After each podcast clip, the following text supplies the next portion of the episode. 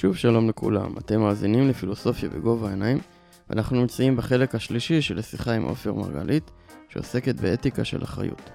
בחלק הראשון והשני של השיחה עסקנו ברקע לשאלה הזו, כתגובה למשבר העמוק שחל על התרבות המערבית במאה ה-20, כמו השואה ומלחמת העולם השנייה, ובגישות פילוסופיות שונות שמנסות להתמודד עם השאלה הזו.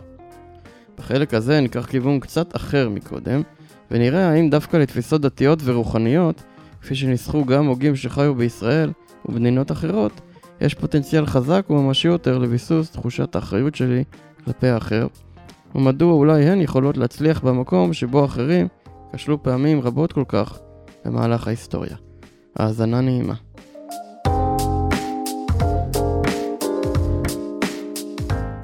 בהנחה שיש כוחות כאלה, ובהנחה שיש אנשים שמה שעומד לנגד עיניהם זה לא טובת האנושות בכלל, או מסיבה כזו או אחרת לא מסוגלים לראות את התמונה הזאת שאני ואתה מתארים עכשיו. איזושהי תמונה שחושבת על טוב משותף, אה, על אינטרסים משותפים, אפילו אולי על חזון משותף, או על תחושה של זהות משותפת וכולי, כל מיני דברים כאלה נגיד. הם, נגיד, אה, האנשים בעלי הכוח, לצורך העניין, מונעים, נגיד, מאג'נדה אחרת, שנובעת מאינטרסים הפוליטיים שלהם, מזה שהם מצליחים ככה להשיג תמיכה, כי הם זורעים אה, פחד ומסיתים אנשים וכולי. רצון לעוצמה, אתה אמרת. לצורך העניין, למשל. ואז מה הפתרון או מה המענה שאנחנו יכולים לעשות ולתת לדבר הזה? מעבר אולי להצליח ולארגן אה, ברמה הפוליטית איזושהי אלטרנטיבה. שזה סיפור אחר שגם אותו ניסו ומנסים וכנראה גם ינסו לעשות בעתיד, לאו דווקא בהצלחה יתרה. אז פילוסופית נגיד, נקרא לזה הגותית. מה, מה האלטרנטיבה לכל הדבר הזה שעוד תיתן לנו איזושהי תחושה של אה, יכולת לשנות.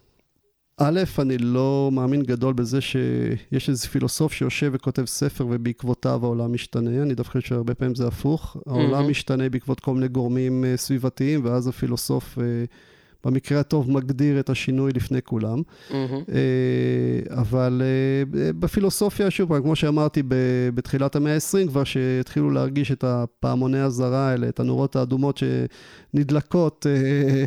לאור אה, מה שקרה והולך לקרות, אה, במיוחד אחרי מלחמת העולם הראשונה, אז אה, היה ניסיונות לשרטט כמה נתיבים באמת לתרבות יותר אחראית.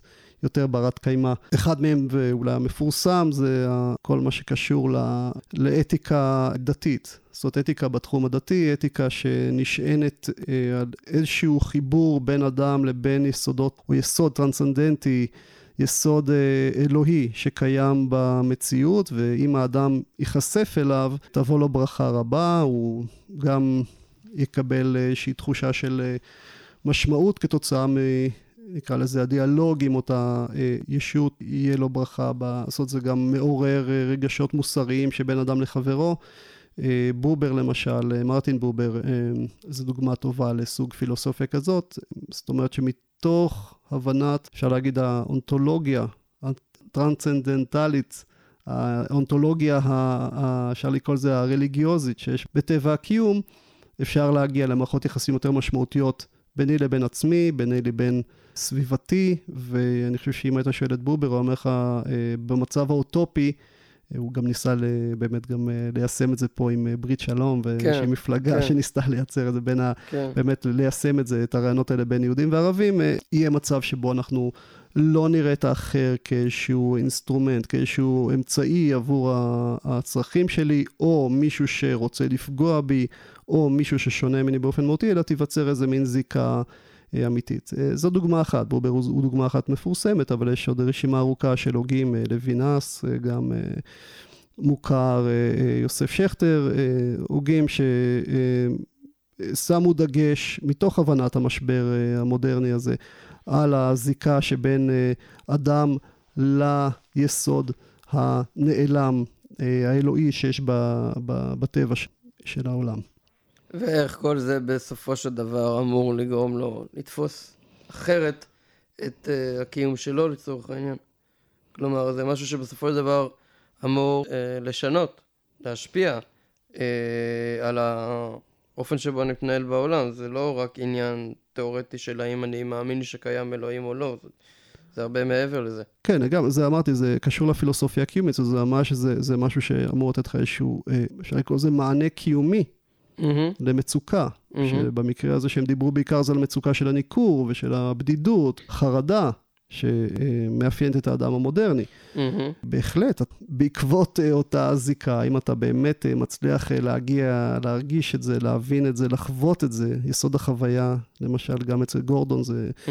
מושג מאוד מוכר, זה משנה אותך באופן מהותי מבפנים.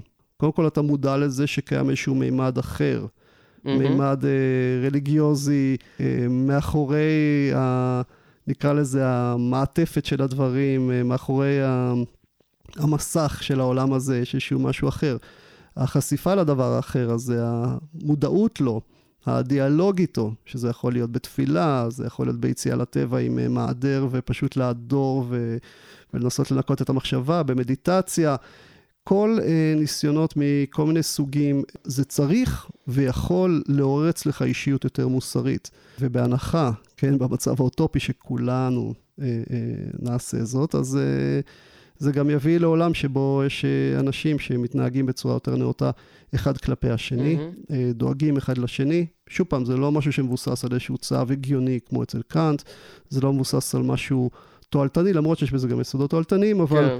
הכוונה זה פה באמת איזשהו תהליך פנימי שאמור להשפיע גם על החיצוני שלך, איזשהו כלי מעשי שאתה יכול לעשות אותו mm-hmm. בחיים שלך. ודרך אגב, זה קורה היום, אמרנו שיש תהליכים היום, לא הכל היום הרי שחור. Mm-hmm. יש הרבה דברים חיוביים שקורים היום. אחד מהם, למשל, זה באמת כל ההתעוררות של ה... אפשר לקרוא לזה הרליגיוזיות, אז זה, זה בא הרבה פעמים לידי ביטוי בתוך הקונטקסט של ה-new age המעצבן, אבל, אה, אבל לאו דווקא, לאו דווקא, אה, וגם new age, שוב פעם, צריך להבדיל בין הטייטל לבין המשמעויות של הדבר הזה, זה אומר שיותר ויותר אנשים מוכנים להקשיב, להיפתח, אה, לעשות טכניקות שונות כדי לחשוף את המימד הדתי הזה, את המימד האלוהי שיש בתשתית של הקיום שלנו. אה, וזה סימן טוב. יש על זה יותר שיח במדיה היום. Mm-hmm. אז זה, זה כיוון חיובי. זה בא כמובן יחד עם תרבות של רווחה שיש לנו היום בעולם המערבי, שזה מעודד את זה. זאת אומרת, אם המצב רווחה ימשיך ואנשים יהיה פנאי, והפנאי מאפשר לנו גם לחקור ו- ולפרוץ אולי קצת פרדיגמות ישנות ונוקשות שיש לנו מהעבר, אז uh, יכול להיות שיבוא איזה מין עתיד שבו אנחנו נהיה יותר מחוברים ליסוד האלוהי וליסוד האנושי, בין אדם לחברו. אוקיי, okay, אז שנייה לפני שמאשימים אותך ואותי בהדתה, רק חשוב להדגיש שאנחנו לא מדברים על איזשהו הקשר שהולך לכיוון של אה, מחויבות, א', בטח לא הלכתית, וגם לא בהקשר של אה, אמונה אולי אה, במובן הקונבנציונלי, המקובל שלה, אלא יותר איזושהי יכולת בעצם לחוות, הזכרת את המילה חוויה קודם, היא מאוד משמעותית בהקשר הזה, בעצם לחוות את המציאות בצורה אחרת. אחד הדברים שמאפשרים, או שמתאפשר לנו לחוות בתוך uh, חוויות שכאלה, זה בעצם תחושה של חיבור, נקרא לזה. חיבור קוסמי, יש שהגדירו את זה, כן? חיבור למשהו שהוא מעבר לעולם החומרי, איזושהי תחושה של אחדות, הרבה פעמים מתארים אותה, כלומר, איזה משהו שבו אתה יכול להרגיש לרגע, פתאום, שהתפיסה שלך ביחס למקום שלך מול אנשים אחרים, שמבוססת על נבדלות ונפרדות, כן? שאני, מי שאני והם מי שהם, ומה הקשר וכל הדברים האלה. שבוא נגיד, זה לא בדיוק סיפור, ה... נקרא לזה, לא יודע להגיד אבל זה, אבל זה בטח לא דרך אחידה להסתגל על הדברים, ושבמהות, בעומק, שחווים חוויה יותר עמוקה ומשמעותית, אה, מבינים שהדבר הזה הוא סוג של אשליה, יש אפילו גישות יותר אה, רדיקליות של הפילוסופיות המזרחיות והבודהיזם, שטוענים שכל האני הוא רק אשליה, כן? ואין דבר כזה בכלל אינדיבידואל, והכל בעצם זה סוג של ישות אחת, אורגנית, שלמה וזה, אבל לא חייבים ללכת עד לשם. אפשר פשוט להסתכל על השאלה בעצם איפה אני בתוך העולם ביחס לאנשים אחרים, מתוך איזושהי תחושה של חיבור למשהו יותר גדול ממני, בלי הצורך לבטא לגמרי את העצמי.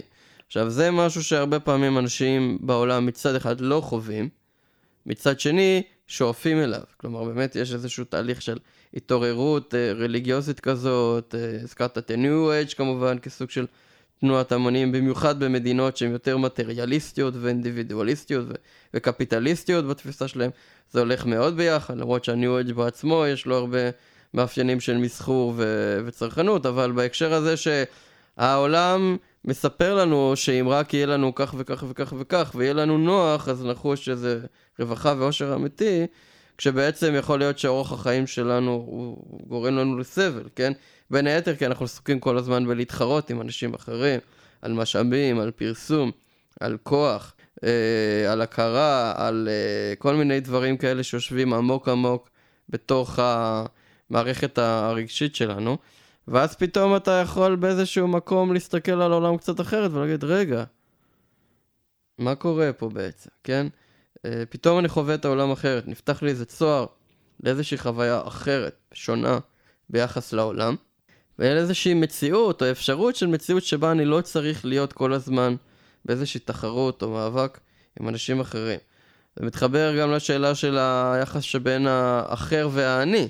אולי זה מה שבעצם ניסו באיזושהי צורה להגיד, לא שהאחר הוא לא אחר, ושאין הבדלים בינו לבין האני, אלא שהעובדה שאני זה אני ו- ו- ומישהו אחר הוא מישהו אחר, לא אומרת שצריכה להיות בינינו מציאות של נפרדות ונבדלות שמובילה לאלף ניכור, ב' תחרות, ג' איבה ועוינות ו- ו- וכולי וכולי, אלא איזה מין משהו שמחפש מצד אחד את השונות ומכבד אותה, ומצד שני עדיין מניח שיש בכל זאת משהו שמחבר בינינו. שאולי יותר גבוה, אולי יותר עמוק, אולי יותר רחב וכולי. זה נגיד דרך מסוימת אה, להסתכל על הדבר הזה לדעתי, והשאלה היא כמובן בסופו של דבר שאלה קיומית ואפילו פרקטית, עד כמה המימד הזה תופס חלק בחיים שלנו, איך, אם בכלל, מתי, כן, כמה, באיזושהי צורה וכולי.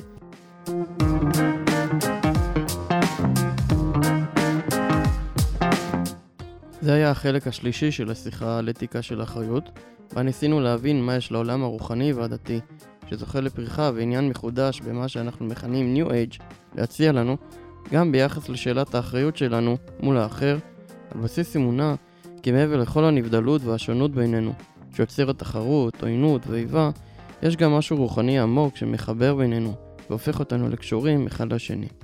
בחלק הרביעי והאחרון של השיחה, נעסוק בהסתכלות לקראת העתיד, נסכם את השיחה וננסה להבין לאן אפשר לקחת את הדברים גם בפן המעשי של חיינו היומיומיים וליישם אותם באורח החיים שלנו. להאזנה לקטע ולתוכניות מעולות נוספות אתם מוזמנים להיכנס לאתר שלנו www.svcampusradio.com או לפילוסופיה בגובה העיניים במיקסלאוד. אני הייתי עמרי דינור ואני אשמח מאוד שתישארו איתנו גם לחלק הרביעי והאחרון של השיחה. האזנה נעימה. thank you